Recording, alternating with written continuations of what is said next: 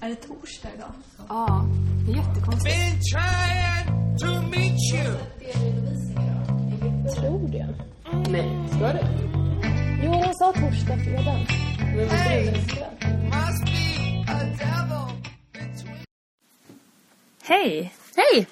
I dagens avsnitt av Nyckelvikspodden så är det jag, Stina, Och jag Lena. som gästar. Eh, Och vi har pratat med Magnus som är kommunikationsansvarig här på skolan. Och vi pratar lite om hur stort elevinflytande vi har och hur man ska tänka när man skickar sina ansökningar hit. Eh, Och så får vi lära känna Magnus lite. Ja, vem är Magnus egentligen? Och det har vi försökt ta reda på. Så häng med oss. Jag jobbar här på Nyckelviksskolan som kommunikationsansvarig. Och det har jag gjort i 12 år. Ska vi eh, lära känna Magnus lite? Eller? Mm, tycker jag. Lite, du hade något fodral här, ett instrument. Vad är det? Nej, det var en ukulele. Ja. Hur kommer det sig att du har en sån Magnus? Men jag hade, har den gitarren eh, hemma Jaha. just nu för att jag övar lite. Vad övar du inför? Jag ska spela på torsdag Mm. på puben för eh, de studerande. Det blir så kul. För våran pub? Det är hemliga gästen. Wow! Nu avslöjar vi Nu lite. avslöjar du. Tur att vi inte släpper podden än. Exakt. Vad roligt. Men det är ju skitkul. Okej.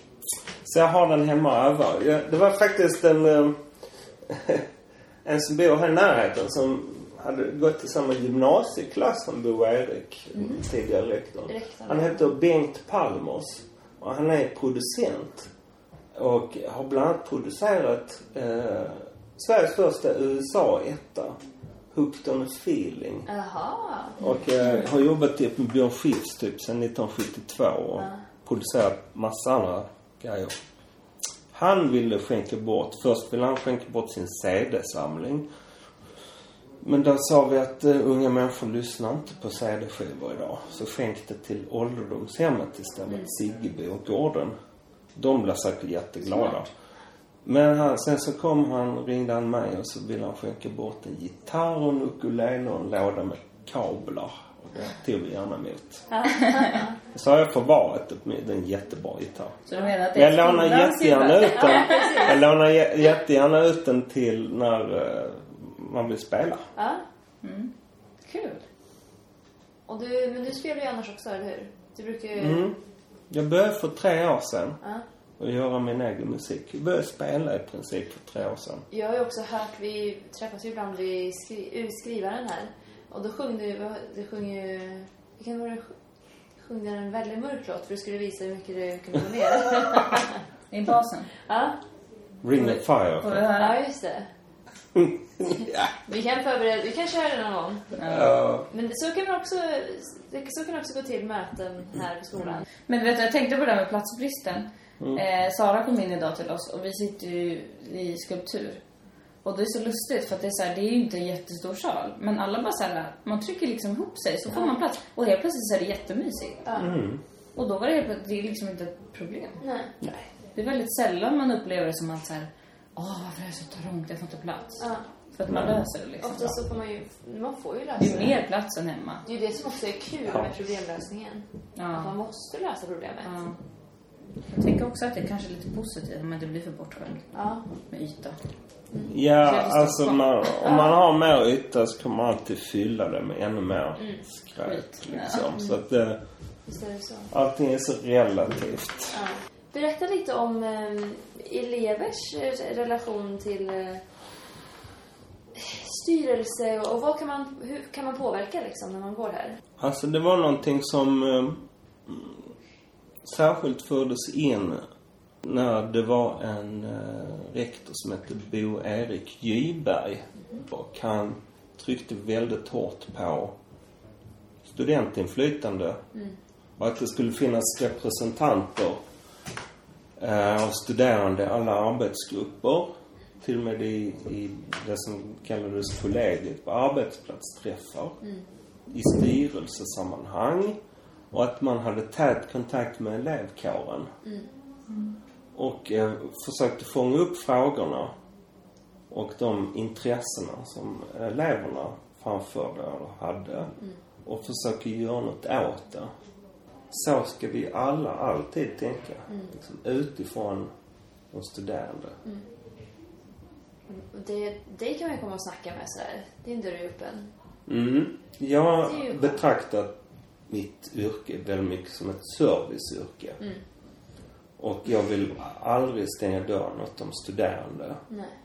Eh, Jag kan väldigt lätt identifiera mig med hur det är att vara studerande och hur det är att komma hit. Men det tycker jag vi har mycket, både rektorn och dig och så här, att dörren är alltid öppen och Mm. att man alltid är välkommen att komma in om det är något liksom. Mm. Det har väldigt känts väldigt öppet. Mm. Ja, Relationen liksom till alla lärarna och så. Och att man... eh, Vill man ha någonting så kan man oftast få det. Det är bara Ja. att ta tag i det. Ja. Själv. Verkligen. Vi vill ha det här. Ja, men du vill ha det. ja. Och det är, det är inget, inget som är svårt. Vi ska också fråga lite om ansökningarna tänkte vi. Prata lite om det. Den första frågan som vi har och det är i stora drag hur man ska förhålla sig till ansökningarna. Tycker du, Magnus, som, om man är då ansökande? Ja. Vad vi tittar efter det är utvecklingspotential egentligen.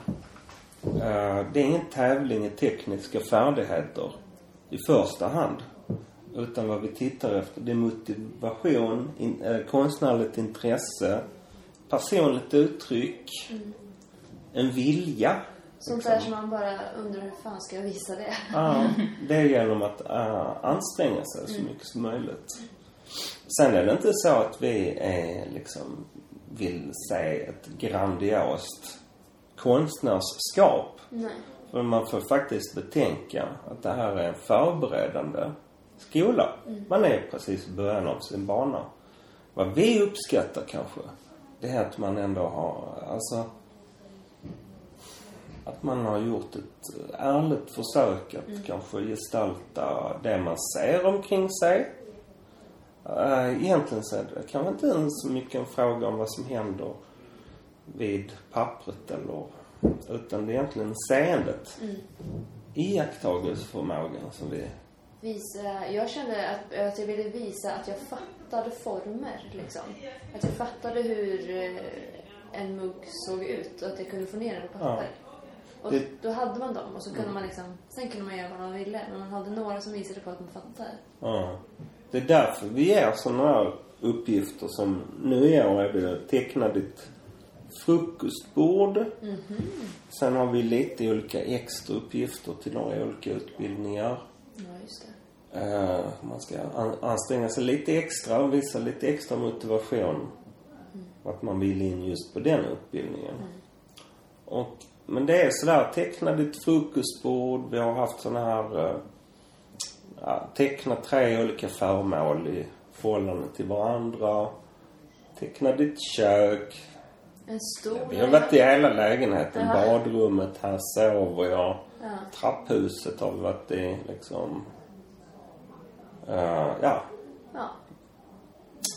lite för kanske också utmana de sökande och försöka mm, försöka fånga en rumslighet till exempel, vilket man ofta undviker i teckningar och målningar. Det är inte helt lätt sådär. En liten utmaning. Och det, är- det är liksom kan vara svårare för oss att bedöma rena fantasibilder. Såklart. Vi får mycket ansikten och mycket fantasibilder. Med verklighet liksom. Ja. Intressant. Ja. Hur, hur tittar ni på teknik då?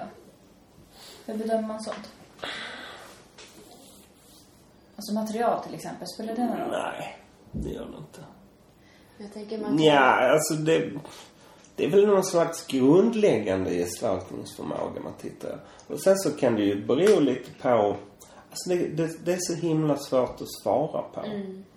Såklart. Alltså, de sökandes arbetsprover är så vitt skilda, liksom. Och det är klart att i vår antagningsordning så står det ju liksom ehm, ord som ljusbehandling, komposition, eh, Eh, och sådana saker. Det är väl, men det är väl kanske det man tittar på i andra hand. Kanske om det är en utbildning som har kanske ett högt söktryck. Så går man kanske närmare in på det där. Vilka utbildningar är det där? skulle Men det är du inte säga? säkert att man gör det ändå. Men det är ju... För det är hellre, hellre att man är liksom oslipad och yvig och expressiv. Och explosiv kanske. Det, det, var- då blev ju antagningsgruppen väldigt nyfiken. Än att man är teknisk, detaljerad och duttig och lite hämmad. Tror jag. Om man ska hårdra det. Var lite mer modig. Ja, men jo, Hålla det är ju för- ta ut svängarna. Visst Det är ju... utmana sig själv. Det finns ju många som...